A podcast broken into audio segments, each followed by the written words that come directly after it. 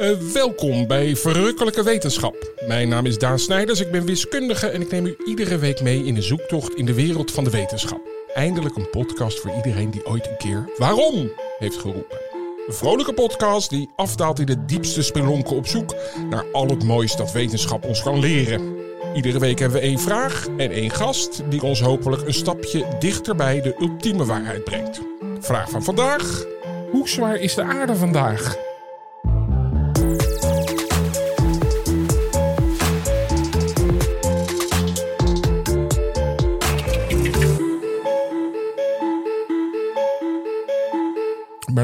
Mijn zus. Vandaag? Ja, vandaag of morgen. We willen het vandaag weten. Hoe zwaar is het vandaag? En waarom vraag ik vandaag erbij? Er gebeurt natuurlijk van alles. Dus er komen steeds meer mensen bij, dat weet je. Vroeger waren het er 10 miljoen, nu zijn het er 7,5, 8 miljard. Ja. Er worden huizen gebouwd. Af en toe sterven er dieren, dieren uit. Dus verdwijnen dieren. Dus zo kwam ik een beetje op de vraag: worden we nou steeds zwaarder? Er, komen, er wordt een enorme uitbreiding. We nemen de aarde over. Zeespiegelstijging? Ja. Nou, niet zo gek kijken. Nou, ik kijk een beetje gek misschien. Um, nou ja, dus de vraag van vandaag. En misschien is het een hele korte uitzending, want dan weten we het heel snel of niet. Uh, hoe zwaar is hij? Wat, wat, denk jij zelf zo even intuïtief? Nee, niet intuïtief. Jawel, wat, nee. hoe denk je, nee, maar hoe denk je dat je dat kan meten? Hoe zwaar nou, de aarde maar dat, dat vind ik dus, dat is bij, eigenlijk elke keer bij mij de het struikelblok dat we dan soms uren, een uur over zo'n onderwerp hebben. En aan het eind denk ik, maar hoe weten we dat dan precies? Bijvoorbeeld een keer die afstand van die planeten. Heb ik eigenlijk ook nooit goed gevraagd. Hoe weten we het? Ik zou niet. Nou ja, ik zou denken dat je, dat je misschien eh, van een rondje, als je precies weet hoe groot die is, met de vulling erin, weet hoe, hoe zwaar iets dan is. Met de vulling. Het is een bossenbol-analogie. Hey, maar bedoel je dat van als je weet wat erin zit, is één, één steen weegt zoveel, die hele bol is zo groot? Is dat wat je zegt? Nou, zo denk ik dat. Oké. Nou, gelukkig hebben we ook nog een specialist hier bij ons. En die ga ik even nu Schild. introduceren. Want de gast van vandaag, van deze week, is planeetonderzoeker Dr. Sebastian de Vet. Hij is planetair geomorfoloog en hij is werkzaam bij de faculteit Luchtvaart en Ruimtevaarttechniek van de TU Delft. Welkom Sebastian. Dankjewel, leuk om hier te zijn. Nou, Daar, fantastisch. Uh, er zijn natuurlijk al een paar dingen gezegd waarvan jij denkt, uh, dit klopt wetenschappelijk niet helemaal. Dat, dat ga ik vanuit. Uh, mijn zus suggereert van als je weet waar het van gemaakt is en je weet hoe groot die is, dan ben je er. Ja, dus zo zou je het inderdaad wel kunnen zeggen. Ik denk dat het een grote uitdaging is om, uh, om de aarde te wegen, is, uh, is eigenlijk een idee te krijgen inderdaad van waar het van is gemaakt. Ik zou eigenlijk willen zeggen van hè, wat is de dichtheid van de aarde? Dus hè, hoeveel materiaal zit er, zit er nou eigenlijk in die bol? Um, en als je ook weet hoe groot die bol is, zeg maar het volume, dan, dan heb je eigenlijk alle ingrediënten om uiteindelijk te kunnen bepalen hoe zwaar die aarde is. Ja, maar zullen we eventjes bij mij, want ik weet eigenlijk dat ik een beetje een stukje onzin heb gesproken aan het begin. Namelijk, er zijn steeds veel meer mensen, er komen meer huizen bij. Help ons even uit die illusie, want is de aarde vandaag zwaarder dan gisteren of dan een jaar geleden? Nauwelijks. Nauwelijks. Ja. Er zijn, er zijn wel dingen die er gebeuren waardoor we ietsje zwaarder worden. En ja. uh, dat, uh, dat is alleen heel erg weinig. Dus het is niet zo dat op het moment dat hè, gebouwen gebouwd worden of dat er uh, nieuwe kinderen geboren worden, mm -hmm. mensen doodgaan, dat het, het gewicht van de aarde, de massa van de aarde verandert. Het is natuurlijk, hè, het blijft allemaal op de aarde, ja, dus het gaat nergens heen. Dus alles, dan komen we weer even van, van stof zijn wij gemaakt en tot stof zullen wij wederkeren. Oh, jij bedoelt het komt van aarde, het, het was het er al en het blijft er en het Precies. gaat weer terug. Ja. ja. nou snap ik je. Maar heel eventjes, want uh, ik was dus echt heel erg intelligent dat ik snapte hoe je dat meet. Maar het binnenste, weten we precies wat daar dan precies in zit en hoe zwaar dat dan is? Nou ja, dat was een van de grote vragen die natuurlijk al uh, ja, sinds de 17e, 18e eeuw speelde. En daar zijn ja, uh, uh, generaties onderzoekers mee bezig geweest om dat te kunnen oplossen. En daar zijn ook een aantal hele, hele slimme experimenten eigenlijk voor bedacht. Van, hè, hoe kunnen we nou de aarde gaan wegen? Hoe kunnen we nou bepalen wat bijvoorbeeld die dichtheid is? En daarmee dus het gewicht van de aarde bepalen. Ja. Um, een van die experimenten vond ik eigenlijk wel heel erg, heel erg sprekend. Ik, ik ben zelf als, als planetair geomorfoloog heel erg bezig met het landschap van planeten. En nou hebben uh, die onderzoekers hebben op een gegeven moment in, moet ik goed zeggen, 1774 uh, zoiets, hebben ze een heel leuk experiment gedaan in Schotland. En daar zijn ze eigenlijk een berg gaan, gaan doormeten. Dus wat ze eigenlijk hebben gedaan, is dat zij van die berg zijn gaan bepalen ja, um, hoe die bijvoorbeeld een, uh, een schietloodje vervormde of eigenlijk sche scheef trok.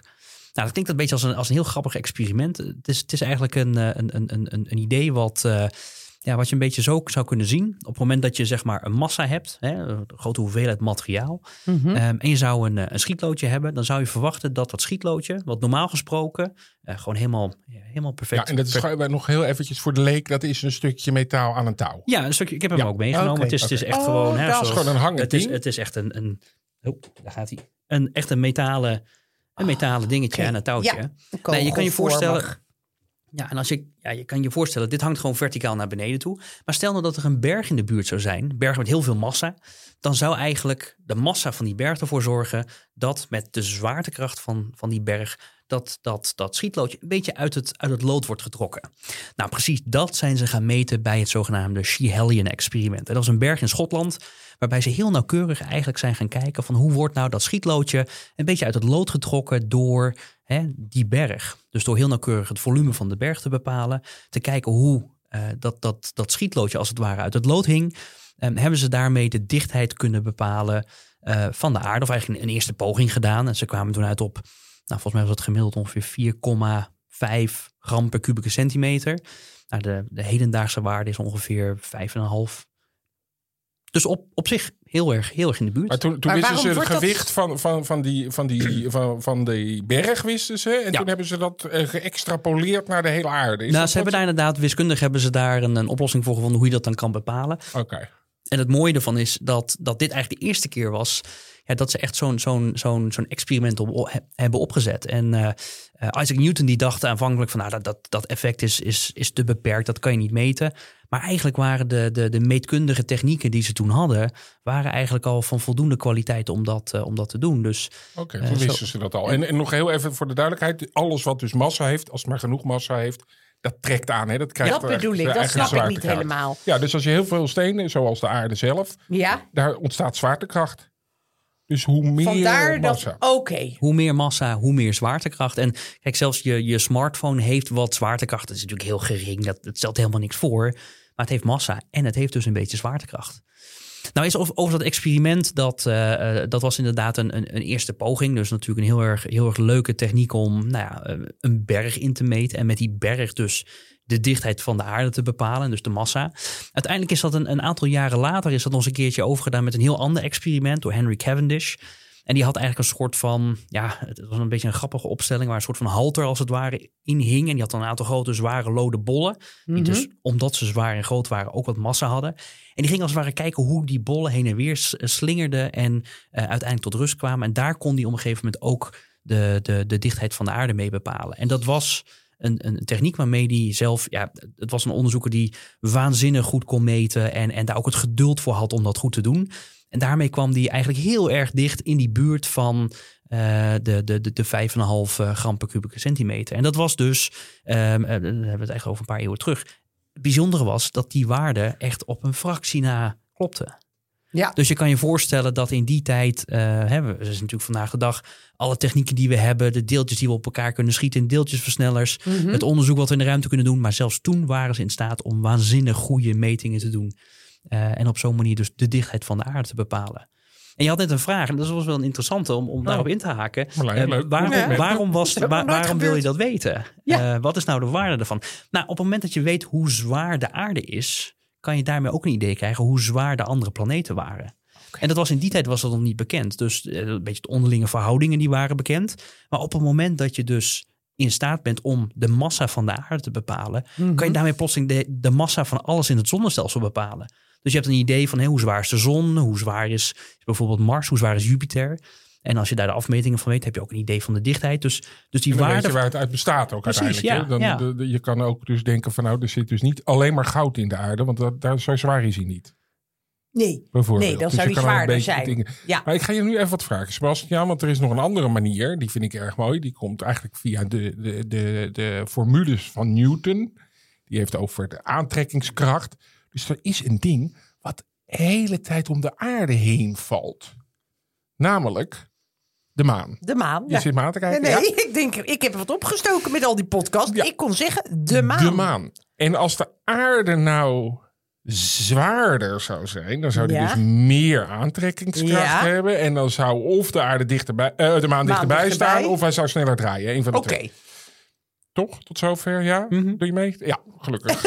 ik ben altijd bang dat ik wat verkeerd zeg. Ja, Ehm, we niet hebben. dus wat je dus ook kan doen, dan heb je twee wetten nodig. Namelijk de gravitatiewet van Newton. Die heeft hij uitgerekend. Die zegt hoe, zwaar, hoe dingen aan elkaar trekken. En nog iets over hoe snel iets rondgaat.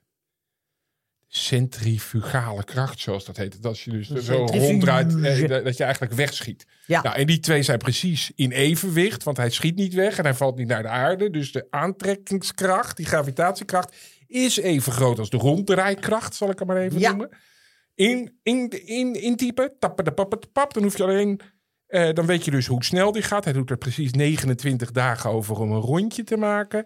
Je weet hoe ver die staat van de aarde af, dat kan je meten. En daarmee, Sebastian, komt er dus, dankzij Newton, die Mhm. heeft er een mooie regel. Kan je dus gewoon echt zo uitrekenen van... doordat de maan er 29 dagen over doet... is de aarde zo en zo zwaar. Nou, Nou goed, kijk, een van de dingen die we, die we natuurlijk daarvoor nodig hadden, eh, was de massa van de aarde. En het was, dat was op dat moment nog niet bekend. Dus je, je had eigenlijk één bekende massa nodig om die rekensom te kunnen doen. Ja. En dat was die rekensom eh, van het bepalen van de dichtheid van de aarde en daarmee de massa. En zo is eigenlijk ook de, de waarde, want er zit in die formule die, die Daan beschrijft, daar zit ook nog een zwaartekrachtsconstante in, de zwaartekrachtsconstante van Newton. En die waarde was ook nog niet bekend. Dus die kon ook bepaald worden door de aarde door te, door te meten, door die dichtheid te bepalen, kon je daarmee dat ook, ook bepalen. En er wordt bijvoorbeeld van dat Cavendish-experiment waar ik het net over had, er wordt vaak ook, hè, er zijn ook een aantal eh, tekstboeken hierop, eh, hier in Nederland die inderdaad zeggen van hè, dat is een experiment waarmee de, de zwaartekracht, de, hoofdletter G, eh, werd, werd bepaald. Dat was eigenlijk niet het doel van dat Cavendish-experiment. Dat was echt, je zou bijna kunnen zeggen, een geologisch experiment, bedoeld om die dichtheid van de aarde te bepalen, dus de massa, om op zo'n manier eigenlijk een, een test te doen van die zwaartekrachtswetten van Newton. Ja. En zo kunnen, konden we uiteindelijk met een, ja, eigenlijk een bekende, hè, de massa van de aarde, ja, dus inderdaad die, die, die baandynamica gebruiken om inderdaad eh, het zonnestelsel eh, te wegen. Maar dan, dan kan je dus ook de massa van, van, de, van de aarde... kon je ook berekenen met die eh, formules van Newton, toch? Ja, Dat is maar daar daar moet je natuurlijk wel een aantal kenmerken Ja. voor, voor hebben Ja, inderdaad. En oké. dat, eh, Nee, maar dat had ik niet een heel eh, verhaal... nee, alleen was het nog niet compleet. Waren nog niet alle getallen aanwezig. Nee, 9,81 Maar was je de valsnelheid. hey, maar we Maar moeten langzamerhand even. naar, naar, Nee. naar de conclusie toe. Namelijk hoe, zwaar, hoe zwaar die die is. Ja, dat dacht ik ook. Maar ik dacht nog één. Ik sneak er nog één vraag Ja, snel tussendoor. dan. Nee, maar dan ga je ervan uit dat die helemaal hetzelfde is opgebouwd. Nee. Het, het, het, het, het, eh, het, het leuke is, kijk, als je naar gewoon gesteente zou, we hadden het net over dichtheden, hè? dus Ja. hoeveel, als je een, bekend volume hebt, hoeveel materiaal daar eigenlijk in zet. Dus, Mhm. dus hè, hoe- wat, dat- wat dat weegt voor dat volume. Ehm, nou is het leuke dat als je gewoon gesteente zou nemen, dan heeft dat een veel lagere waarde dan die 5,5 waar we het net over hadden. En dat betekent dus dat binnen in die aarde er dus nog iets moet zitten wat een veel hogere dichtheid heeft dan gewoon gesteente. En dat betekent dus dat je bijvoorbeeld binnen in het binnenste van de aarde, dat daar dus iets, iets, iets moet zitten wat een hogere dichtheid heeft. In dit geval is dat ijzer. En dat is dus de kern van de aarde. En het is eigenlijk het gemiddelde, om het maar zo te zeggen, van die metalen kern met die stenen mantel en korst die eromheen zit. Dat is die 5,5. Maar dat binnenste, zeg maar, dat heeft dus een hogere dichtheid Ja. van eh, volgens mij boven de 10 zelfs. Ehm, dus, dus dat illustreert dus dat hè, het, het, de, de opbouw van een planeet eigenlijk meer is dan alleen gesteente. Daar zit echt nog een, een kern in eh, van een veel hogere Ja, dichtheid. dat is toch prachtig, Maar- Marlijn, dat je ja. zo daarachter komt. Want inderdaad, als je dus ervan uitging waar wij mee begonnen... van joh, het is alleen maar aarde en stenen...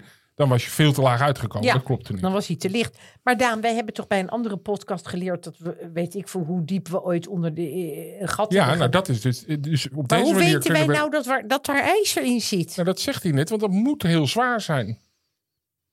Kijk, en er is nog een andere... Nou ja, wie zegt dat dat moet zwaar zijn? Anders was de maan weggevlogen. Ja? Sebastiaan, Nou, laat kijk, Daan dus- niet alles overnemen. Ja, nou, het- zeg jij het er- even. Er zijn, er, er zijn hè, als je kijkt naar de afstand aarde-maan, eh, daar zitten nog allerlei leuke koppelingen tussen. Dus de maan die drijft heel, veel, heel langzaam weg, maar dat heeft te maken met de draaiing van de aarde. Kunnen we een hele aparte pod- podcast over maken. Wat misschien leuk is om te bedenken, is dat als je naar die dichtheid kijkt hè, van, de, van de planeten, eh, dat er ook best wel wat variatie in zit. En het leuke is dus dat als we naar de rotsplaneten kijken, dus naar onze broertjes en zusjes, Mercurius, Venus, Aarde en Mars, dan, dan lijken we een klein beetje op, eh, op Venus. Maar als je bijvoorbeeld naar, naar Mercurius kijkt, veel kleinere planeet, die heeft een heel ander soort dichtheid. Ehm, en daar weten we dus dat, dat het binnenste, dat daar een heel veel groter aandeel metaal binnenin zit. En dat het dus in feite meer een, een metalen kern is met een heel dun stenen schilletje eromheen. Oké. Dus, dus op zo'n manier kunnen we eigenlijk de, de kenmerken van het materiaal, die dichtheden van planeet, die kunnen we ook heel goed gebruiken om iets te zeggen over ja, hoe die van binnen eruit zien. En dat vertelt ons binnen het planeetonderzoek ook weer meer over ja, hoe planeten zich ontwikkeld hebben. Hè. Bij Mercurius denken we dat er misschien een hele grote botsing heeft plaatsgevonden. Ehm, dus, dus ja, dit, dit soort ja, ehm, eh, vraagstukken die zijn eh, ontzettend oud. Hè? Hoe zwaar is de aarde? Maar we krijgen daarmee een beetje inzicht in, in nou ja, de kenmerken van de aarde. Ook hoe die intern van binnen er als het ware eh, is opgebouwd. En we kunnen daarmee dus ook iets zeggen over de andere planeten in vergelijking tot de aarde. En dat vind ik eigenlijk wel prachtig dat we ja, op zo'n manier, zonder dat we een soort van eh, superhelden X-ray vision hebben en in die planeet kunnen kijken, Ja. toch, toch iets, Ja. iets, iets kunnen, kunnen bepalen daarvan. Maar dan gaat het om, eh, nou ja, gedrag zeg je niet, maar dan gaat het om hoe die, waar die zit in, de, in het heelal. Ja. Of, of, en waar, waar een andere planeet is, of die zwaarder is of niet. Ja, dus Dan, dat, dat, dan bekijk je dat meer op een andere manier, zonder dat je met je, met je aardboor daar naartoe gaat. precies, ja. ja dus daar- Grondboor. Grondboor inderdaad, ja. Ook veel meegewerkt, ook een leuke tak van sport. Maar eh, ja, we gebruiken andere technieken inderdaad om planeten op zo'n manier... eh, Ja, dat is toch prachtig. Want, eh, want inderdaad, volgens mij was dat zes kilometer dat er ooit Ja. het diepst in de, wat, wat niks is. Nee. Dat is een heel piepklein stukje de aarde in. Maar dankzij dit soort dingen kunnen het ook wat groter maken. Bijvoorbeeld, je weet dat de zon gigantisch zwaar moet zijn. Want al die dingen draaien, er- eh, Ja. de zon draait niet om de aarde, maar de aarde draait om de zon. En ook nog heel ver weg draaien er planeten nog om de zon. Is dat de zwaarste? Ja, de zon is zeker het zwaarste object. Die heeft de meeste zwaartekracht. En daardoor blijven de planeten heel mooi in, ja, in banen om de zon heen Oké. draaien. Dus als je een baan, als je iets hebt wat om je heen draait, dan heb jij meer zwaartekracht dan diegene die Hey, om je heen draait. Precies. Nou, Ja, volgens dit mij, is- dit is heel goed, toch? Ja, dit, Ja. Is, dit, is precies, dit is precies hoe Nou, ons blij. zonnestelsel werkt. Ja, oké. En dat Maar is hoe inderdaad... zwaar is het nou? Heb jij nog een... Ja, wacht, ga ik zo zeggen. We Oh, nog heel sorry. even afronden daar. Dat was eh, dat, eh, alle, alles van ons zonnestelsel, daar zit 99,8% zit in de zon van eh, alle massa. Dus wij zijn een paar van Ja. die hele lullige vlokjes die eromheen draaien. Maar het is eigenlijk allemaal zon, zon, zon. En dan van die planeetjes eromheen. Maar goed, inderdaad. Het spannende moment is dan eindelijk daar dat wij of door Newton of eh, door Cavendish of eh, nou ja, welke methode we ook nemen. tezamen. Hoe zwaar is de aarde? En ik, voordat je antwoordt, Sebastian, Mhm. ik maak het extra spannend. Ehm, Niet aan hij- mij gaan vragen. Nee, ik ga het niet aan jou vragen. Oké. Eh, het is dus altijd hetzelfde. Dus als ik dit tien jaar geleden aan Sebastian had gevraagd, Ja. gaat er zo nog even over. eh, Wat komt er dan af en toe bij? Wat gaat er af en toe weg? Maar het heeft niets met geboorte van olifanten te maken in ieder geval. dat, dat weten we nu wel. Of Ehm, massale sterfte. hoe zwaar is hij? Eh, 5,24 met een heleboel nullen erachter. En volgens mij eh, moet je het uitspreken als een, als een eh, bijna 6 kwadriljoen kilo. Inderdaad. Een, eh, een 6 met 24 nullen. Kilo. Heel veel. Dus een kwadriljoen kilo. Mogen we trouwens wel van gewicht spreken of moeten we massa zeggen? Ehm, ja, dat is natuurlijk altijd zo'n zo'n dingetje. Je hebt natuurlijk massa. eh, en massa, dat meet je op een weegschaal. En dan heb je het gewicht. Ehm, dus eigenlijk zou je dit in, in Newton moeten uitdrukken. Oké. Ehm, maar voor het gemak zou je het ook kunnen omrekenen naar, eh, naar kilo inderdaad. Nou, Jee. dus dat weten we nu. Ja. Dan kunnen we een beetje gaan afronden, denk ik. Hoeveel nullen? Eh 24. Ik had ook nog wat anders opgeschreven. Dat was geloof ik... Afronden. Nee, maar de- het was wel de vraag van vandaag en die hebben we beantwoord. Ja, goed zo. Ehm, het is gewoon En wie is het ongelooflijk zwaar. Oeh, het, Oeh. Ja, oeh. Het, de kleinste stofdeeltjes die we denk ik in het zonnestelsel hebben ronddwarrelen. Dat, eh, Ja. die kan je Ja, maar jij wil een meten. planeet ja, hebben, hè? een En planeetje. dan mag je Pluto Hmm. niet meer mee- meerekenen. Dat is ook een verhaal hè, van Pluto. Maar goed, dat is geen planeet meer opeens. Heb je dat meegekregen? Nee. Dat is nu een dwergplaneet en die mag niet meer... eh, Nou. weet Heeft je- Govert Schilling dat bepaald? Nee, nee, nee, nee, dat is door de Internationale Astronomische Unie eh, vastgesteld. Dat die kan je nog, eh, wat, weet je dat of niet? Snap je het? Nou ja, het- de definitie van een planeet. De definitie van een planeet is eigenlijk: eh, het voorwerp moet rond zijn. Ehm, hij moet ook groot genoeg zijn eh, dat hij eh, de omgeving eh, van zijn baan schoongeveegd heeft van andere, eh, andere materialen. Ehm, ehm, dus andere planeten kan wegduwen, kometen, noem maar op. Ehm, en hij moet in een baan om de zon zitten. Nou, die drie kenmerken maken dat een planeet een planeet is. En mocht je nou niet voldoen aan dat criterium, hè, dat je zeg maar dominant in je baan bent, eh, de baan om de zon dan, dan, dan moet je eigenlijk spreken over een dwergplaneet. Nou, maar dat we daar dan nu Ja. nog iets over ik gaan dus iemand bepalen. Ik vind is, gewoon die is gezakt zielig omdat hij niet alle planeten kon opnoemen. Want die had, was Pluto vergeten. En toen, dus eigenlijk had hij achteraf wel gelijk. Ongelooflijk. En net op een tiende zijn VWO-diploma gemist. hey, we gaan even linksaf. En linksaf betekent dat we even gaan kijken naar waar is hij dan van gemaakt, die aarde. Ja, dat willen we Dat graag. vinden we dat, toch daar ben jij mee bezig, hè? Met het materiaal. Ja, En dan ga ik nu, en de- dit is, eh, ik, ik hoor veel mensen die de, de podcast luisteren en dan zeggen, er zitten zulke leuke weetjes die ik dan op verjaardagen kan doen. Ja. Of gewoon tussendoor in een gesprek in een eh, verlaten treincoupé. Nou, dan, dan komt nu, Dat is Ja, een coupé in hoe- hoe komt het water? Laten we daar eens mee beginnen. Het water op de aarde. Marlijn, Ja, nou, Als we teruggaan in de tijd. als we teruggaan in de tijd. We, hebben het nog een keer over de oerknal gehad. Toen was alles één grote kokende massa. En ook de aarde was volstrekt, is nog steeds aan het afkoelen overigens. Was één grote vurige lavabol. Ja, Nou, langzamerhand koelt het af, koelt het af. Daar was geen water toen. Dat kan niet. Het was meer dan 100 graden daar. Hoe is het water dan nu hier? Driekwart van de wereld is eh, water. water. Nou, dan gaan we even naar Sebastian. Nou ja, dat is eigenlijk eh, het, het, het ruimtepuin, om het maar zo te zeggen, wat over is gebleven uit de, ja, de vormingsfase van het zonnestelsel. We hebben heel veel, hè, naast de planeten, heel veel andere hemellichamen die nog eh, door het zonnestelsel zwerven. Dat zijn eh, planetoïden, een beetje rotsachtige hemellichamen en ook kometen. En we denken dat eh, met name die kometen, dat die, ja, die bestaan voornamelijk uit ijs. En dat die waarschijnlijk het ijs, water moet ik zeggen, eh, naar de aarde hebben gebracht in, eh, in de jonge jaren van de aarde. En dat zo eigenlijk het water van de oceanen hier terecht is gekomen. Wordt, wordt over nog veel onderzoek naar gedaan. Dus hè, de, er wordt gekeken naar, eh, naar echt de, de, kenmerken van het water zelf. Dus echt op het niveau van de, van de moleculen. Ehm, om te kijken van, hè, is het merendeel nou water wat van kometen afkomt? Eh, of komt het misschien van planetoïden af? Omdat die ook wel wat water in zich hebben. Ehm, kometen hebben volgens mij op dit moment een beetje de winnende hand. Maar er zijn altijd weer nieuwe inzichten die, eh, eh, die daaraan bijdragen. maar als ik vanavond weer eens in bad zit, Dan zit je in een eh, heel mooi bad vol met gesmolten komeetwater. is toch ongelooflijk? Nou. Al het water op de wereld. Hoe vind je hem? Nou, ja, ik vind het ongelooflijk. Hey, we hebben hier ook een bol liggen. Oh nee, ja, dit, dit is een klein. Hoe, hoe vaak zou die in de aarde passen? De, deze opblaasbare wereldbol, Ja, oh wauw, dat heel veel denk ik. Ja, Daan. Nou ja, het is toch een. Iets maar met daar zie heel je veel hoeveel eh, water er is. Ja, ongelooflijk, hè? O- overigens, hè, we hebben het over water. En we zeggen altijd wel, onze planeet is zo'n hele mooie blauwe bol, veel water.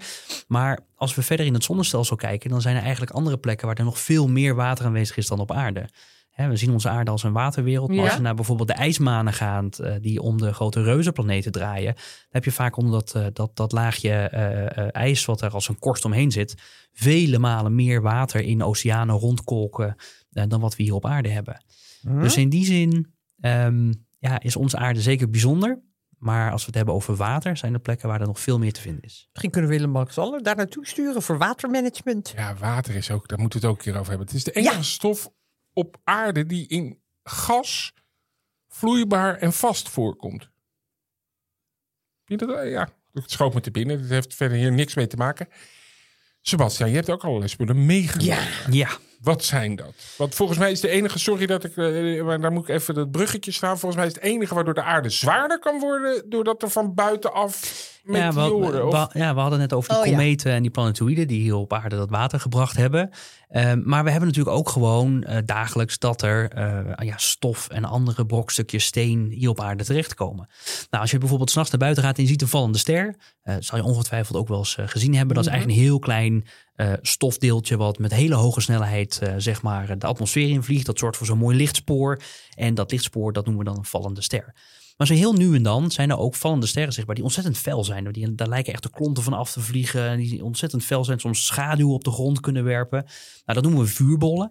En die vuurbollen die ontstaan eigenlijk omdat er vaak ook grotere stukjes steen de ruimte, vanuit de ruimte de atmosfeer in vliegen. Nou, die stukjes steen, die komen bijvoorbeeld van planetoïden af. Dus dat zijn die rotsachtige hemellichamen die ja, met name tussen Mars en Jupiter uh, rond, uh, rondzweven. um, maar het leuke is dat zo nu en dan die brokstukken zo groot zijn um, dat ze niet helemaal verbranden in de atmosfeer en dat er dan een klein stukje overblijft. En dat kleine stukje, als dat op een gegeven moment naar beneden valt en het aardoppervlak raakt, dat noemen we dan een meteoriet. En dat is dus een manier waarop er dus materiaal vanuit de ruimte hier op aarde terechtkomt uh, en waardoor we dus iets zwaarder worden. Maar dat kan je eigenlijk meer uh, vergelijken met misschien een mug uh, op een olifant. Want ja. het is ontzettend weinig. Ja, want er komt nooit eens even een lekker brok naar beneden. Nou, nou een, een, enkele keer wel. We hebben natuurlijk een aantal jaar geleden hebben we bijvoorbeeld een grote, uh, grote luchtexplosie gehad boven Chelyabinsk in Rusland. Um, dat zijn natuurlijk nog steeds betrekkelijke uh, um, um, hoeveelheden die naar beneden toe komen. Dus het is niet dat we daarmee in, in één klap uh, zeg maar een, een kerstmaal binnen hebben, zeg maar. maar het, het, het is wel veel materiaal wat er dan in één keer naar beneden komt. Maar op het totaal van de aarde is ook dat zelfs nog redelijk beperkt. Ja, nou ja, als je bedenkt hoeveel er gekomen is om, om die zeeën te maken. Ja, nee, maar daar, daar wil ik inderdaad even vragen. Want, want wij worden nu dus eigenlijk door, door, door de dampkring beschermd. Hè? Ja. Want daar mm -hmm. veel, misschien worden we door de maan ook nog beschermd. Dat weet ik niet. Of die ook nog dingen afwijkt. Nou, maar ja, er valt niet zo gek veel, heb ik het idee. Of... Nou, het, het valt vaker dan je, dan je denkt hoor. Okay. Als we kijken naar bijvoorbeeld uh, de vuurbolcamera-netwerken die we in Nederland hebben. Dat zijn camera's die naar boven toe turen op zoek naar die vuurbollen. En dan denken we dat nou, gemiddeld genomen eens in de twee jaar er toch wel iets van een vuurbol verschijnt. Waarbij er mogelijk iets van een meteoriet hier in Nederland terecht is gekomen. Um, terugvinden is dan een tweede. Dat is ons uh, tot nu toe nog niet heel vaak gelukt. Uh, maar het is wel een voorbeeld van ja, toch wel een hoge frequentie. Dat is alleen nog maar voor Nederland. Dus je kan je voorstellen dat ja, wereldwijd dat er eigenlijk veel meer, um, ja, veel meer materiaal naar beneden komt dan wij misschien kunnen zien. We hebben natuurlijk heel veel oceanen waar, waar niemand woont. Um, we hebben natuurlijk ook heel veel uh, afgelegen gebieden en woestijnen waar dingen naar beneden komen. Um, dus er komt op zich wel wat, wat naar beneden toe. Um, en dat betekent ook dat uh, ja, als je op zoek bent naar, uh, naar meteorieten voor bijvoorbeeld het onderzoek, dat je soms ook naar plekken moet waar ze makkelijk te vinden zijn. Bijvoorbeeld op Antarctica of je gaat de woestijn in. dus in Nederland is het, is het beperkt. We hebben ook maar ja, zes meteorieten in de afgelopen twee eeuwen teruggevonden. En dat zouden er in potentie dus veel meer kunnen zijn. Ja. Maar hoe vind je dan zoiets? Nou ja, Want je hebt ze daar liggen. Ja, ja, ja nou, kijk, er zijn een aantal kenmerken waar we meteorieten aan kunnen herkennen. Okay. En um, uh, laten we eerst met deze beginnen. Dit is een, uh, een steenmeteoriet. En wat je hierbij heel goed kan zien is dat er als het ware een heel zwart korstje omheen zit. En dat noemen we een smeltkorst. En eigenlijk door de hitte die ontstaat uh, als dit brokstukje door de atmosfeer heen vliegt, smelt heel veel van het gesteente, dat dampt weg, dat, dat, dat, dat verbrandt. Maar aan de buitenkant blijft er dan een heel klein dun korstje achter. Dat is echt maar een uh, fractie van een millimeter. Maar je kan ook heel mooi zien, het is heel mooi zwart, een beetje matachtig van kleur. Ja, dat is een, uh, een, een kenmerk Damn, van... Mag je dat uh, vastpakken, Ja, weet je het zeker? mag ik het wel vast. Het is eigenlijk gewoon een kei. ja. Hey, wat, wat, waar ik even aan moest denken, maar dat was, Mhm. eh, waar, waar was dat? Bij Leiden, bij dat Space, eh, weet je wat ik bedoel? Het Space Museum. Eh, in Leiden heb je Space Expo zitten en het Technisch Ruimtevaartcentrum van de Europese... Ja, maar dus dat Space Expo, eh, daar hadden ze dus ook eh, zo'n eh, meteoor staan, of meteoriet. Dat vind ik wel lastig dat dat trouwens twee namen heeft. Dus als het binnenkomt in een dampkring wordt het een meteoriet en daarbuiten is het een meteoor. Nee, het is, is op het moment dat het in de ruimte is, heet het een meteoroïde. Oké. Vliegt het door de lucht heen, dan noemen we het een meteoor. En eh, blijft er een brokstukje over wat inslaat, dan noemen we het een meteoriet. Om het, Is een beetje om het nog makkelijker te maken. zeeleeuwen en zeehonden, weet je wel. Dat zijn ook dezelfde soort dieren. Nee, Oké, nee, sorry. nee. Dat is een hele Eh, gekke vergelijking. Maar dat is niet erg. Daar mogen ze zo mee stoppen, wat mij betreft. Ehm, maar daar, daar stond dus ook zo'n groot brok, zullen we het maar Ja. noemen. En de- de- daar zeiden ze, dit is ouder dan de aarde. Ja. Dat vond ik dan wel. Nou, Ja, het, het leuke is dus, dit, is, Hè? dit zijn dus eigenlijk de bouwstenen waaruit de planeten zijn opgebouwd, de rotsplaneten. En eh, die vind je dus nu eigenlijk in die planetoïden terug. Dus, eh, dus dit heeft nooit onderdeel uitgemaakt van de aarde of van Mars. Dus dit is nog een beetje het materiaal wat eh, in de eerste miljoenen jaren van het zonnestelsel aanwezig was. En wat dus niet veranderd is sinds eh, de planeten zijn gevormd. Dus dit is eh, in zekere zin het alleroudste wat je kunt, eh, kunt aanraken. En ja, dit is een steenmeteoriet. En die heeft ook nog wel een leuk verhaal te vertellen. Want die steenmeteorieten die bestaan uit steen. En er zit een heel klein beetje ijzer in. En we hadden het net over die opbouw van een, van een planeet. Dat daar een Mhm. metalen kern in zit en een stenen buitenkant. Je kan hier dus heel mooi aan zien dat dit dus eigenlijk de ingrediënten zijn waarmee je planeten kan maken. Maar het zit hier nog door elkaar heen gemixt. En het grappige is dat in die beginfase van het zonnestelsel moet je als het ware een soort van sneeuwbaleffect, al dat gesteente moet je samen, samen kneden, zeg maar, tot je Mhm. een grotere bol krijgt. Nou, als die bol groot genoeg is en warm genoeg van binnen wordt, dan kan dat steen en dat ijzer, dat kan als het ware onder de invloed van de zwaartekracht, ja, een beetje van elkaar splitsen. Een beetje vergelijkbaar hoe olie en water ook in de keuken bijvoorbeeld van elkaar Ja. splitsen op basis van hè, dat verschil in dichtheid. Ja. Ehm, en het leuke is dus, we hebben naast hè, dit soort steenmeteorieten waar de ingrediënten nog gemixt zitten, hebben we ook meteorieten waar dat, eh, die van een, van een planetoïde afkomen, waar dat, dat effect, hè, dat, dat, dat scheiden van die materialen al gebeurd is. Dus dit is bijvoorbeeld een, een, een, een metaalmeteoriet. Je moet maar eens even vasthouden. Jee. Dat, Ja. is, dat is best een zwaar ding, hè? Oh, en kijk hoe die glimt. Moet even beschrijven, Marlijn. Weet je, en nou, ik zou denken dat iemand er wat aluminium overheen heeft gedaan. Het lijkt net een... Kijk, het zie is je ook een soort marmersteen, maar dan van eh, metaal. Prachtig. En zwaar. Ja, dit is, dit is eigenlijk puur, eh, puur metaal. Dat is nikkel-ijzer. Dat is kenmerkend voor, eh, voor metaalmeteorieten. En, en wat we hiermee hebben gedaan is dat we het oppervlak hebben we heel mooi gepolijst. En dan hebben we daarna met een zuur hebben we dat oppervlak geëtst. En dan krijg je dus dat hele mooie strepenpatroon te zien. En dat Ja. noemen we het Wietmanstatten-patroon. B- b- ontdekt door eh, Alois von Beckmann-Wietmanstatten. Oh, ja. Ehm, die dit ooit eh, in een experimentje zelf ook, eh, ook bij metaalmeteorieten heeft ontdekt. En dit is heel kenmerkend voor metaal wat uit de ruimte komt. Het is eigenlijk net als met, met hè, marmer of met, eh, met bijvoorbeeld eh, graniet. Hè, gesteente wat heel langzaam afkoelt, krijg je van die hele mooie kristallen Ja. in. Nou, dat gebeurt eigenlijk in dit metaal ook. Alleen die krijgen dus van dit soort metaalkristallen, zou je het bijna kunnen noemen, die daarin in uitkristalliseren. En ja, dit, dit vind ik zelf een van de mooie structuren die je gewoon met het blote oog kan zien van zo'n ding. Maar dit is dus het inwendige, het binnenste van zo'n grote planetoïde ooit geweest.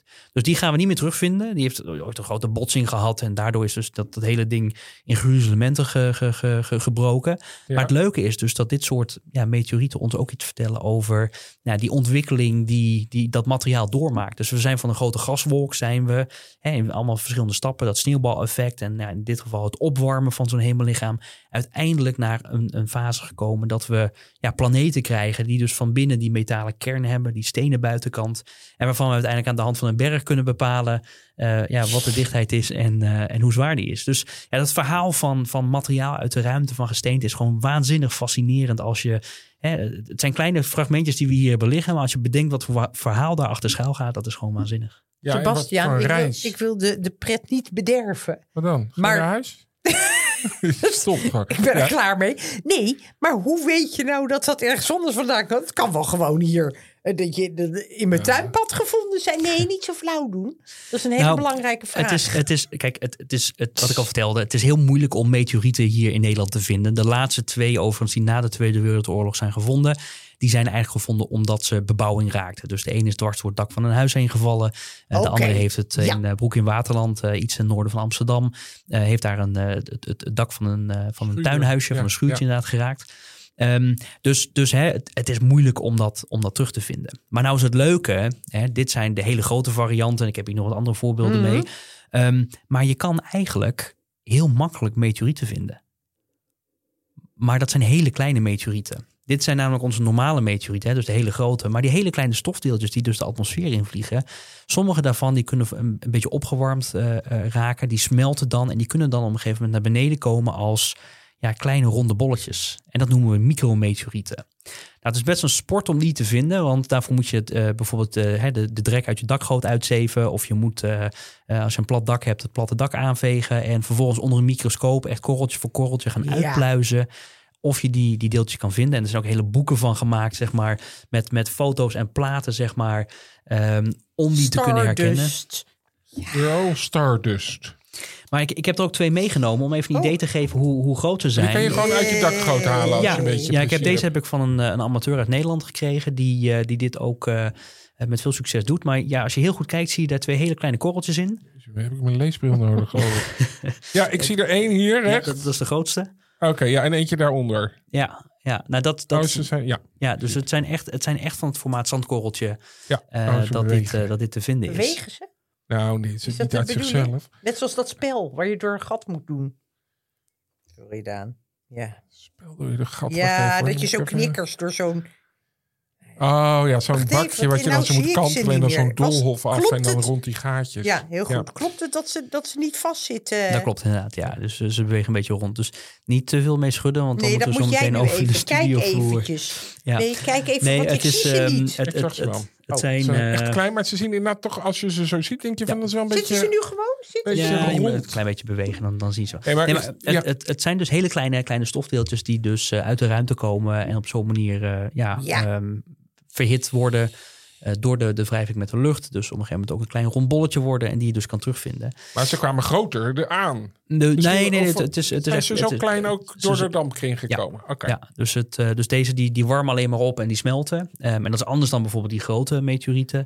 Eh, die, die verbranden echt, zeg maar. Dat, dat gaat best wel effectief, want meestal verlies je ongeveer 90% of meer van hè, het oorspronkelijke gewicht van zo'n van zo'n van zo'n steen. Dat verlies je door die hitte in de atmosfeer.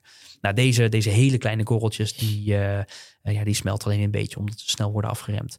Maar het illustreert wel dat er dus altijd wel materiaal vanuit de ruimte hier op aarde Ja. terechtkomt. En dat we dus dit soort leuke, leuke dingen hier kunnen, kunnen terugvinden. Maar je hebt er nog, eh, nog twee liggen. Mag ik die ja, ook even nee, tuurlijk, weten? tuurlijk. Ja, nee, het zijn, kijk, als we, als we kijken naar. Naar, naar, naar soorten meteorieten, daar, daar zijn complete encyclopedieën natuurlijk van volgeschreven. Ja. Eh, maar dit is een hele mooie waar we Ja. in het metaal, daar zit een soort van geel, geel-goudkleurige olivijnkristallen. Met zo even een En- fotootje op Instagram Ja. daarvan. En Ja. ja, de- en dit is wel heel erg mooi, want dit is eigenlijk een beetje de overgang tussen de metalen kern en de, Ja. de, de stenen buitenkant, zeg maar, van een, eh, van een planetoïde. Maar, maar hebben we, is, dit materiaal is wel bekend op aarde ook? Of, of kwam er soms ook een Oh, ja. element binnen wat we helemaal nog niet kennen? Nou, in principe is, is, is natuurlijk eh, olivijn, dat kennen we heel goed. Hè. Dat vinden we ook in heel veel eh, vulkanisch gesteente bijvoorbeeld. Alleen hier vinden we het een hele bijzondere mix. Het zijn echt hele grote, eh, grote kristallen. Ehm, en en het zit natuurlijk in die metaalmatrix, zoals we dat noemen. Dus het is echt een, een voorbeeld van, dat noemen we dan palaciet. Een, een bepaald type meteoriet waar we deze mengvorm in hebben. Ehm, ook hiervoor geldt weer, dit is, dit is een heel specifiek gebiedje binnen in het inwendige van zo'n, van zo'n planetoïde. En, en al die meteorieten die we dus hebben, en dat is natuurlijk ook een beetje de sport waar we het voor het planeetonderzoek voor doen. Ze vertellen allemaal een heel klein beetje, een heel klein stukje van het verhaal van hoe we dus van een gaswolk uiteindelijk naar een planeet zijn gegroeid in het zonnestelsel. Ja. En, en hoe meer materiaal we verzamelen en hoe verser het materiaal is, hoe meer inzichten we dan kunnen krijgen. En in sommige gevallen zijn er inderdaad mineralen eh, die we bijvoorbeeld eh, eerder op een ander hemellichaam of in een meteoriet hebben ontdekt, die we nog niet hier op aarde kenden. Dus, dus zo leren we eigenlijk Ja. ook wat meer over, over de processen die spelen, eh, de mineralen die gevormd worden en, en eigenlijk in welke stapjes we uiteindelijk van nou, een, een soort van, van embryofase, een babyfase, uiteindelijk door een soort van, nou, noem het een planetaire puberteit gaan naar de hedendaagse planeten. Ja. Nou zei je toen net van eh, hè, dat je wel weet hoe zwaar ze, eh, ze wegen. Of ze- hoe zwaar zijn, wat voor massa ze hebben, die planeten. Maar hoe ze precies zijn opgebouwd, dat als wij daar niet naartoe gaan, weet je dat natuurlijk eigenlijk ook niet. Misschien Nou- wel dat ze zwaar zijn en dat er dus waarschijnlijk meer ijzer in zit. Maar misschien heeft één planeet wel een heel onbekend zwaar metaal in zich. Nou, op zich zijn de ingrediënten, de basisingrediënten, ingrediënten hebben we een goed idee van. Dus eh, het is niet dat we plotseling eh, bijvoorbeeld op Mars in de kern heel, iets heel anders aantreffen. Misschien iets andere verhoudingen. Ehm, maar, maar dat is ook de reden waarom bijvoorbeeld het planeetonderzoek ook echt naar plekken toe gaat. Dus hè, we hebben bijvoorbeeld op Mars hebben we eh, een aantal eh, eh, maanden geleden is daar een, een Marslander geland met een seismometer aan boord. Die heeft daar nu al eh, een, een geruime tijd metingen kunnen doen. En daarmee kan je dus een, een idee krijgen hoe het inwendig is opgebouwd. Ook een aantal decennia geleden met de Apollo-missies hebben ook al die Apollo-missies die hebben ook seismometers op de, eh, op de maan achtergelaten. Om op zo'n manier een idee te krijgen van hè, als er bijvoorbeeld een stuk rakettrap inslaat of als er een, een, een echte maanbeving plaatsvindt. ehm, ja, wat dan de inwendige eh, eh, opbouw is van, eh, van de maan. Dus op zo'n manier eh, kunnen we ook technieken gebruiken die echt op het oppervlak staan om hè, dat inwendige toch beter in kaart te kunnen brengen. Ja, en als we dan nog even naar de aarde, want dat hadden we ook nog beloofd, dat we even naar de bodemschatten gaan kijken van die samenstelling van waar bestaat de aarde dan uit. Heb ik ook even opgezocht. 35% ijzer, Mhm. dus dat is wel een derde ijzer. En dan heb je nog 30% zuurstof Mhm. en nog een beetje silicium en magnesium. Dat is het zo'n beetje. Ja, Ja, het klinkt als heel veel zuurstof, maar dat, is Mhm. dat zit eigenlijk in het gesteente zelf. Dus als je kijkt naar de, de vorm, de, de moleculen waar, zeg maar, de mineralen waar het gesteente uit bestaat, Ja. dat, daar zit heel veel zuurstof zit daarin ingebouwd. Dus dat klinkt als veel, maar dat is eigenlijk het gesteente, het, het, eh, ja, het materiaal waar, eh, eh, ja, wat onder ons voeten zit. En wat ik er ook interessant aan vind, toen ben ik gaan kijken naar goud. Ja? Want dat is natuurlijk je gaat nu naar grondstoffen kijken. Ja. bodemschatten. Afdeling bodemschatten. Kassa Ehm, 2. Ja. Maar eh, dat, dat goud is natuurlijk, dat vind ik altijd wel mooi, want dat is echt veel waard, omdat we het mooi vinden en omdat er heel weinig van is natuurlijk. ja. Maar verder, ja. Net zoals nee, diamanten. Ja, net als diamanten. Maar nou heb ik gekeken naar al het goud wat ooit gewonnen is uit de aarde. Dat is helemaal niet veel. Dus dat is één kubus van 21 meter bij 21 meter bij 21 meter hoog. Dus de breedte, lengte 21 meter. Nou, 21 meter is best wel lang, maar het is niet... Nee. Dus de- als je zo'n blok, dat is al het goud wat ooit gewonnen is. Nou, Dat, is toch, dat vind ik een verhaal. klopt dat dan? Ja, dat klopt. En dat is ook eh 50% ervan wordt in sieraden gebruikt. Volgens mij zit het ook in je mobiele telefoon, maar dat weet ik niet zeker. Dus er- zijn heel veel eh, um, eh, metaalsoorten die zeldzaam zijn, die inderdaad gebruikt worden. Ehm, ehm, denk bijvoorbeeld ook aan de, de batterijen die we nodig hebben voor de elektrische auto's, eh, voor je smartphones. Ehm, en het leuke is ook dat heel veel van die, van die elementen, die zijn zeldzaam. Omdat eh, als we kijken naar hoe een planeet als het ware zich vormt. Ja, veel van die elementen, sommige hebben wat meer affiniteit met gesteente en sommige hebben wat meer affiniteit met, eh, met ijzer. Dus wanneer een, een planeet zich ontwikkelt en het metaal zakt naar die kern toe, dan zijn er sommige elementen die als het ware met dat ijzer mee die kern in verdwijnen en dus niet echt meer in dat gesteente zitten. Dus dat Mm. betekent, hè, iridium is daar een heel mooi voorbeeld van. Hè. Vaak met inslagen hoor je heel vaak van, hè, we zijn op zoek naar een, een laagje iridium. Nou, dat komt omdat eigenlijk in nou, dit soort planetoïden die nog niet die ontwikkeling hebben doorgemaakt, daar zit in verhouding meer iridium in, omdat iridium ja, eigenlijk wat makkelijker naar het metaal neigt dan naar het gesteente. Dus het is in die zin eigenlijk hier op aarde zeldzamer aan het oppervlak omdat onze planeet zich nou eenmaal ontwikkeld heeft tot een metalen kern en een stenen mantel. En een, en maar zit er dan wel heel veel in de kern, iridium? in, of- in verhouding, in verhouding meer dan wat En we het, wat- eh, hoezo is dat eh, kostbaar of eh, belangrijk? Nou ja, er zijn bepaalde elementen, meer elementen die dat doen. En, en sommige elementen daarvan die zijn, die zijn heel schaars. En die hebben we bijvoorbeeld nodig voor, voor, voor superchips of chips en supergeleiders en, en, en Ah, andere verbindingen. Ehm, hè, dus, dus ook als je het hebt over bijvoorbeeld de batterijen van je elektrische auto, ja, dan moet je best wat grond voor afgraven. je dat Nou. kunnen maken. Daar putten we die, die aarde wel vooruit hoor. Ja, Zuid-Amerika ook. Vreselijk. Maar dat vind ik wel heel interessant hoor. Want dat wist ik echt niet. Wat je nu vertelt is dus dat er, door, dat er zoveel krachten zijn... dat als het ware die stenen uit elkaar worden getrokken... en sommige materialen naar, naar de Naar kern zijn... Het is echt het, het, het opsmelten. Hè? Dus je hebt op een gegeven moment als gevolg van radioactief verval, eh, dat, dat creëert warmte. eh, maar bijvoorbeeld ook hè, de energie van, van inslagen die plaatsvinden in het begin van, van, van ons zonnestelsel. En heel veel botsingen die er plaatsvinden. Dat brengt ook heel veel warmte met zich mee. En dat zorgt ervoor dat zo'n zo'n zo'n planetoïde, die, die honderden tot, tot ja, eh, een paar duizend kilometer in doorsnee kunnen zijn. Ja, die, die worden dan zo warm van binnen eh, dat dat metaal daardoor eh, uiteindelijk eh, vloeibaar wordt. Het gesteente wordt vloeibaar en dat, dat, dat, dat, dat zijpelt als het ware uit elkaar. Waardoor je dus die metalen kern krijgt en die, en die stenen buitenkant. Super interessant. Ik zat nog wel even te denken aan die, die Marslander. Daar, toen was de aarde dus ietsje lichter geworden toen we die hadden afgeschoten. Scheelt niet veel. Het scheelt niet veel, inderdaad. En gassen? Eh, verliezen we nog met gassen iets? Ja, volgens mij is er ook wel een, eh, fractie van de atmosfeer wat, wat langzaam in de ruimte wegcijpelt. Ehm, maar dat valt gelukkig wel mee. We hebben bij ons hier op aarde gelukkig een, een magneetveld. Bij Mars is dat bijvoorbeeld heel erg anders. Mars die heeft ergens in zijn geschiedenis, is er ja, in het binnenste is daar iets gebeurd waardoor die zijn magneetveld is kwijtgeraakt. En wat je daar dus eigenlijk ziet is dat de zonnewind, hè, we hebben een soort van stroom van geladen deeltjes die van de zon afkomt. Ja. Dat zorgt er eigenlijk voor dat heel langzaamaan, eh, met voldoende tijd zeg maar, die atmosfeer van Mars een beetje is weggewaaid de ruimte in. En, en, en Mars heeft op dit moment echt maar een fractie van, van de atmosfeer die we op aarde hebben. Hè? Dus we hebben ongeveer 1% daar eh, aan het oppervlak eh, qua luchtdruk. Dus, dus het illustreert wel dat Mars een hele ijle atmosfeer tegenwoordig heeft. Ja. En dat betekent ook dat water niet aan het oppervlak als, als, als ja, vloeibaar water kan, kan bestaan. Het is ook eh, ontzettend koud. Dus, dus Mars heeft zeg maar ook in zijn geschiedenis een heel andere eh, ontwikkeling doorgemaakt. eh, ook wat betreft hè, die, die metalen kern. Daar, daar zit natuurlijk de, als het ware de dynamo in van het, van het magnetisch veld. Ja, daar is iets gebeurd waardoor ja, dat magnetisch veld van Mars verdwenen is. En, en daarmee dus eigenlijk zijn ruimteschild En wat hem beschermde tegen bijvoorbeeld die zonnewind. Dus zo leren we eigenlijk dankzij satellieten die naartoe vliegen, uh, leren we eigenlijk heel veel ja, uh, kenmerken. En kunnen we eigenlijk dat verhaal van planeten kunnen we, ja, een soort van kosmische detective kunnen we ontrafelen. Um, waarbij we dus ook iets leren van ja, hoe belangrijk nou bijvoorbeeld hè, die inwendige opbouw is, die kenmerken van die metalen kern, die stenen buitenkant. Um, en, en, en, en hoe zo'n planeet zich als het ware ontwikkelt. En dat is het mooie, denk ik, van het planeetonderzoek, dat we eigenlijk met nou, noem het maar beperkte middelen uh, ergens naartoe kunnen. Zo'n satelliet is natuurlijk uh, een redelijk beperkt onderzoeksplatform mm -hmm. wat je hebt. Maar toch kunnen we heel veel van zo'n van zo'n hemellichaam leren. Met kennis van wat we hier natuurlijk op aarde hebben. Materialen die in de vorm van meteorieten hier op, ja, in, onze, in onze schoot geworpen worden, zeg maar, ja. door het zonnestelsel. Ja, en zo, zo ja, proberen we als het ware het verhaal van de planeten stapje voor stapje uh, met kleine ontdekkingen en, en, en, en met uh, details uh, proberen we dat te vertellen. Maar is, is elke planeet dan uniek? Of denk je, hé, hey, er is ook nog wel een tweede aarde? Nou, in ons zonnestelsel niet. Uh, dus daar zijn de planeten die hebben al hun eigen plek ten opzichte van de zon. Dus dat betekent ook, ja, als je kijkt naar hoeveel warmte er van de zon afkomt, dat elke planeet daar een andere uh, uh, ja. instraling heeft. Ik zie natuurlijk ook, Venus is ongeveer even groot als de aarde.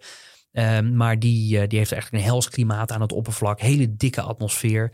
Als je dan naar Mars kijkt, die is een hele slag kleiner. Maar die lijkt eigenlijk in heel veel opzichten, opzichten veel meer op de aarde dan je misschien doet denken. Dat duren dagen ook ongeveer 24 uur. Uh, daar zijn ook seizoenen. Hè, als je kijkt naar, naar hoe schuin als het ware de aardas staat. Hè, we hebben die, die aardbol, die kan je ronddraaien. Nou, die aardas die staat ongeveer even schuin. Dus uh, dezelfde soort seizoenseffecten die we, die we daarvan krijgen. Um, we hebben in het verleden hebben we natuurlijk, als we naar het oppervlak kijken, uh, hebben we ja, eigenlijk aanwijzingen dat er klimaatveranderingen zijn geweest, dat er ijstijden zijn geweest, dat er water heeft rondgestroomd, dat er vulkanen hebben uitgebarsten, dat er duinen rondstuiven waar, waar zand in zit, dat er waarschijnlijk een oceaan is geweest. Dus in die zin is, is, is Mars aardachtiger, zeg maar, dan je zou denken. Maar ga je dan verder het zonnestelsel in en je komt eigenlijk veel verder weg van die zon, dan wordt het natuurlijk allemaal ijziger en kouder. En ja. dan zijn de wereld natuurlijk heel erg anders. Dus onze aarde is uniek. Daarom moet het ook een beetje zuinig op zijn. Uh, maar het mooie is wel dat, uh, uh, dat, dat door die, die, die overeenkomsten op te zoeken, um, door onderzoek te doen naar de kenmerken van onze eigen planeet, we eigenlijk ook iets leren van, van die andere plekken in ons zonnestelsel. Waanzinnig. En we moeten gewoon eigenlijk nog een keer iets over de planeten allemaal. Daar kunnen we een hele serie over maken per planeet. Dan moet ik wel even mijn huiswerk gaan doen, want ik weet die volgorde nooit. Of nou eerst Venus, Jupiter, Mars, Aarde. Nou ja, dan nodigen we toch iemand uit die dat wel weet. En dwergplaneet Pluto. Ach ja, dwergplaneet. Maar, maar dwergplaneet Pluto is ook ontzettend interessant hoor. Dat is wel een ijswereld, maar heeft gewoon een heel, heel erg kenmerkend oppervlak. Waar we denk ik met gemak drie podcasts over kunnen vullen. Oh, nou, helemaal super. Hey, Sebastian, ontzettend bedankt voor je komst. En ik praat nog even naar met mijn zus. Ja, met mij. Ja, fantastisch, fantastisch. Nou, en vooral toch dat unieke. Dat vind ik dan toch wel heel intrigerend. En ik snap nu ook wel, omdat we op een andere plek zitten dan anderen. Daarom zijn we uniek. Ja. Zo mag ik het toch zeggen, Daan? Ja, maar het ging over het gewicht, hè? Ja, maar omdat dat, daar heeft dat natuurlijk allemaal mee te maken op ja. welke plek je zit. Maar met je, ik, ik, ik, nee, je maar, massa. Ja, ja je ja. massa heel mooi, dank je. Auw. uh, 5,974 kwadriljoen kilo. Maar dat het altijd hetzelfde is, dat zet mij zo aan het denken. Dat alles wat we maken, gemaakt is van stoffen die er al zijn. Ja. Ja, ik vind dat wel heel moeilijk hoor. Want eh, als je bedenkt dat een kind uit twee hele kleine dingetjes komt, is het toch iets anders. Maar dat komt dus alleen maar uit voedsel eromheen. Ja. Hè, dat wordt weer allemaal Oh op ja. die manier. ja. Komt dat allemaal weer rond. En daar Daan. maken we Nou, ons druk over. nog Dat is met mijn. dit verhelden. Oh, daar maken we ons druk over. Ja, dat is ook een goed einde. hey, Marlijn, Ja. eh, misschien moet je even zeggen. Die vragen die steeds binnenvliegen. Ja. Waar moeten die eh, Die grote hoeveelheden, mail ons. Wij beantwoorden alles. Verrukkelijke wetenschap. kortimedia.nl Kortie met een C. En neem een verrukkelijk abonnement. Marlijn, het is de eerste keer dat je het goed hebt gedaan. favoriete Aflevering 21. Lekker. Oh, ik heb gisteren geoefend, een hele Ja. dag. nee, hartstikke goed. En eh, nou ja, hopelijk eh, volgende week weer eh, zo'n mooie gast. Ja, ontzettend bedankt.